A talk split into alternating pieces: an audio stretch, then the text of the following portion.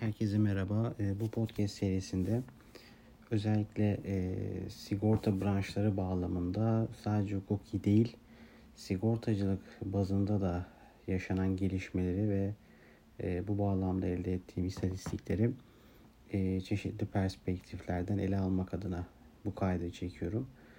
E, ilk podcast kaydımı trafik sigortalarına üzerinde yoğun çalıştığımız trafik sigortalarıyla alakalı e, değerlendirmek istiyorum. Tabii trafik sigortaları çok e, ilginç bir alan. Herkesin e, çokça bildiği sorunları bünyesinde ihtiva eden bir alan. Fakat bir türlü de o sorunlara maalesef çözüm bulunamayan bir alan. Sigorta şirketleri trafik poliçesi neden kesmek istemiyorlar?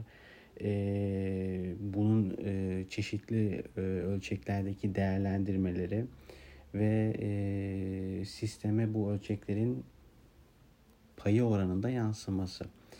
Dolayısıyla bu e, trafik sigortasından kaynaklı sorunların e, tabi detayına inmek bu podcast kaydında çok mümkün olmasa da nedenleri hakkında bazı fikirlerde e, fikir teatisi yapmak e, gereği hissediyorum.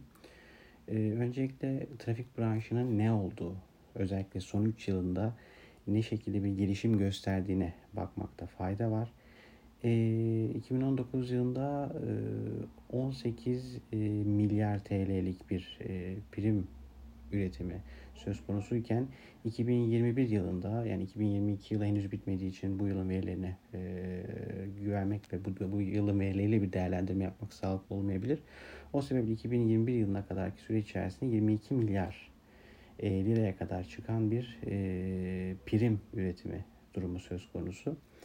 Tabii e, bu primler içerisinde yani bu primlerin hasara yansıma oranları ise 2019 yılında %105,20 iken 2021 yılında bu oran %125'e kadar e, çıkmış durumda. Tabii 2020 yılında pandemiden kaynaklı %93,40'lık bir e, düşüş yaşanmış 2019 yılına göre.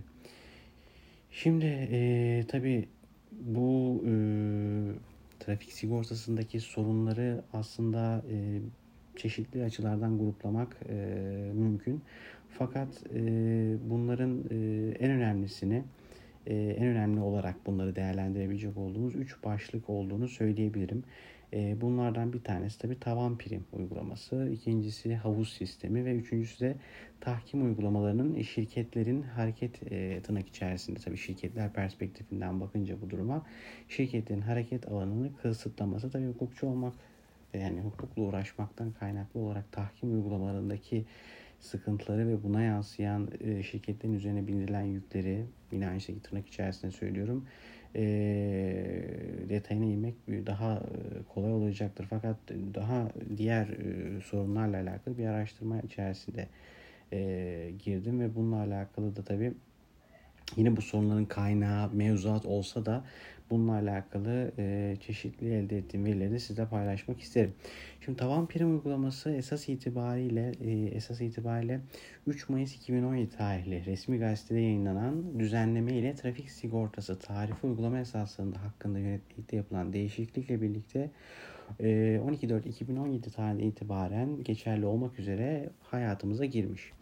Tabi düzenleme e, yapıcı makam yani bu konuyla alakalı yönetmeliği çıkartan e, makam dördüncü basamak prim tutarlarını 15 araç grubu bazında belirlemiş ve sigorta şirketleri tarafından uygulanacak prim tutarlarının bu tutarları aşamayacağını karara bağlamış. Ee, tabii bu uygulamanın gerekçesi neydi?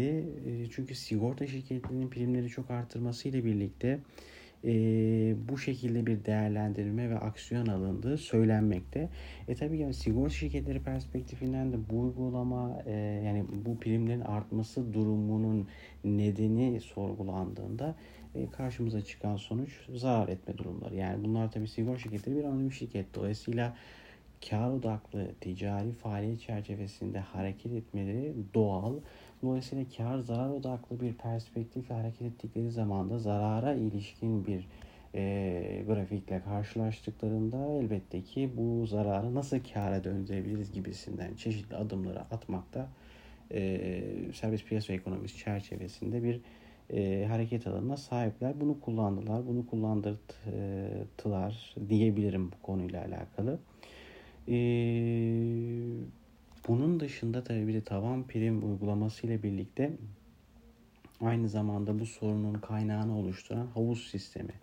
Yani riskli sigortalılar havuzu adı altında değerlendirilen e, havuz sistemi. Yani bunun kuruluş amacı da zaten şuydu. Tavan tarifi uygulaması gelince e, sigorta şirketleri de ortaya çıkabilecek zararları en düşüğe alabilmek adına, asgariye çekebilmek adına e, frekansı yani e, sirkülasyonu yüksek segmentlere e, engel koymaya tabiri caizse başladı.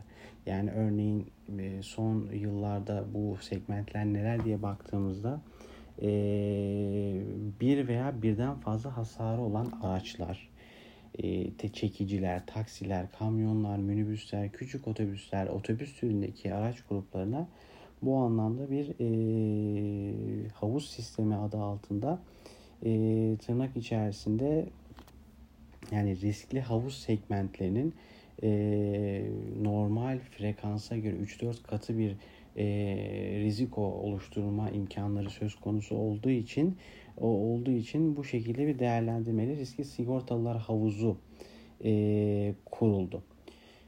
Tabii bu havuzun yükü nasıl paylaşılacak? Bu da çok önemli bir konu. Bu havuzun yükü prim ve hasarların yarısı.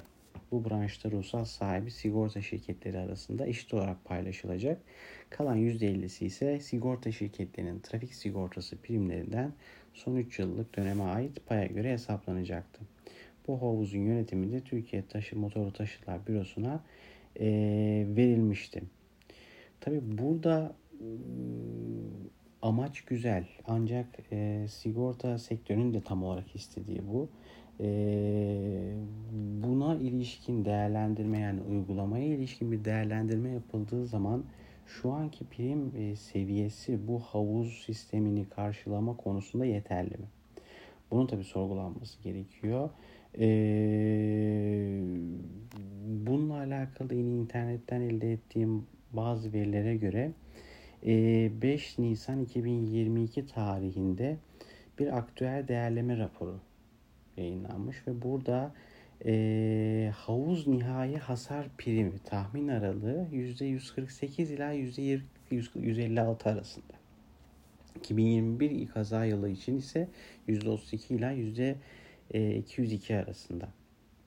Yani bu e, yeterlilik oranı çerçevesinde değerlendirme yapıldığı zaman e, bu riskli sigortalar havuzu sisteminin sürdürülebilir olup olmadığı da tabii ki tartışmalı bir uygulama olarak karşımıza çıkmakta. Tabii bununla alakalı özellikle son dönemde yaşanan enflasyon gibi sıkıntılardan kaynaklı teminat artımları, artırımları da sigorta şirketleri perspektifinden bakıldığı zaman e, özellikle pasife artırıcı bir kalem olarak değerlendirilmekte.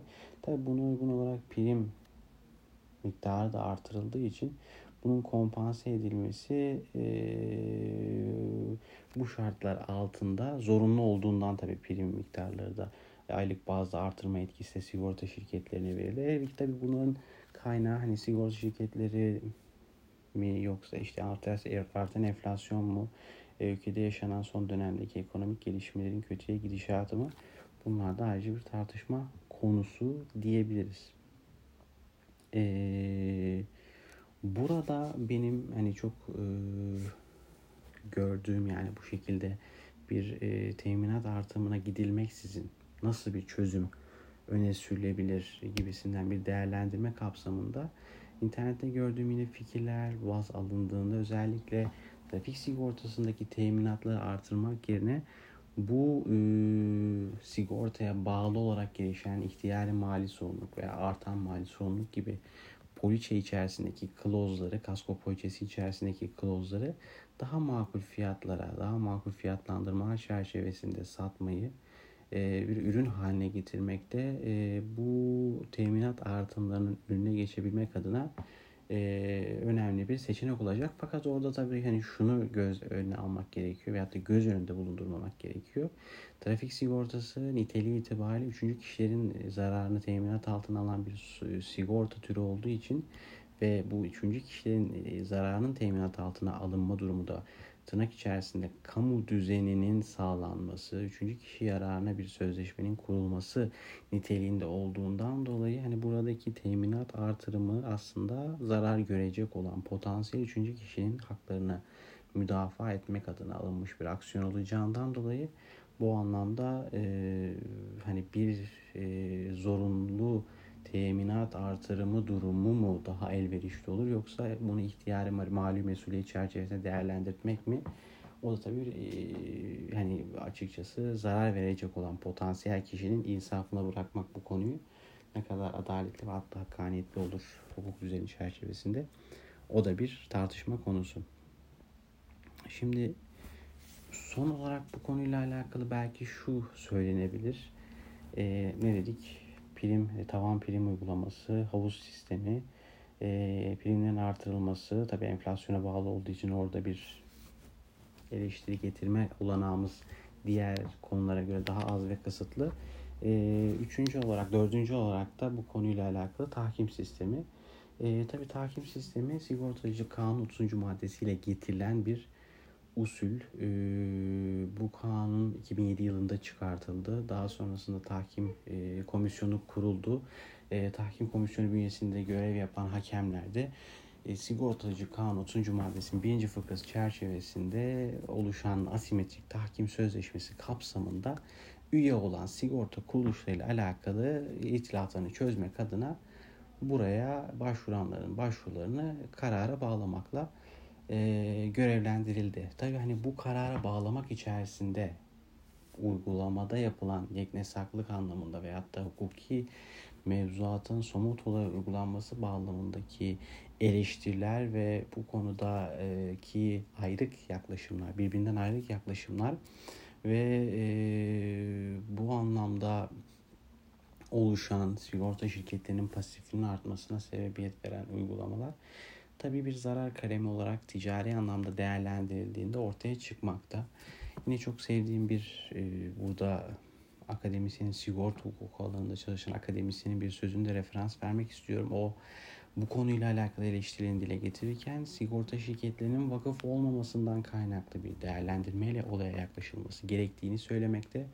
Doğru evet bu konuyla alakalı bu eleştiriyi haklı bulmakla birlikte e, başvuran ve mağdur olan kişinin de haklarını halel getirmeyecek bir ortamın, düzenin, bir regülasyonun sağlanması önem arz etmekte. Özellikle e, somut uygulama içerisinde belirtmek gerekir ki tahkim uygulamasındaki kararlarda yer almayan yeknesaklık bu mağduriyetleri her iki taraf açısından da ortaya çıkarıyor. Dolayısıyla bu yeknesaklığın ortadan kaldırılması adına belki bir tahkim kararlarının bir iştihada dönüşmesi bağlamında bir e, değerlendirme ve uygulama hayata konulabilir. Ama tabi burada da hani hakimlerin bağımsızlığı tırnak içerisinde kıyasen uygulamak gerekirse hakemlerin bağımsızlığının ne ölçüde e, zedeleneceği konusu önem arz etmek çünkü görevlerini ifade ederken yargılama görevlerini ifade ederken kimseden emir ve talimat almamakla yükümlü olmaları durumu da söz konusu. Bu konuyla alakalı Sigorta Tahkim Komisyonu geçtiğimiz Aralık ayında bir toplantı yapmış ve çeşitli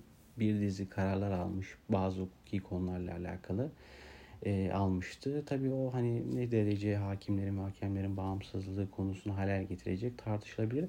Ama tahkim sistemi içerisindeki sorunun sigorta şirketlerine bağlamında yansıması bu tabii dediğim ölçüde kararların bir yeknesak olmaması, iki tahkim usulüyle alakalı çok fazla e, suistimal uygulamasının yaşam yaşanıyor olması, e, hasar danışmanlık şirketleri bunlarla alakalı hasarın gerçek anlamda karşılanmış olmasına rağmen çeşitli ölçülerde bir tabiri caizse bir koyun postundan 40 gün çıkartılması gibi e, ölçeklerde birden fazla kalemin farklı ölçeklerde istenmesi durumu sigorta şirketlerinin tahkim usulüne olan güvenini ve orada elde edebilecek oldukları ticari şirket olmalarından kaynaklı elde edebilecek oldukları faydayı da azaltmakta. Tabii hani kurulan tahkim konusundaki kurulan uygulama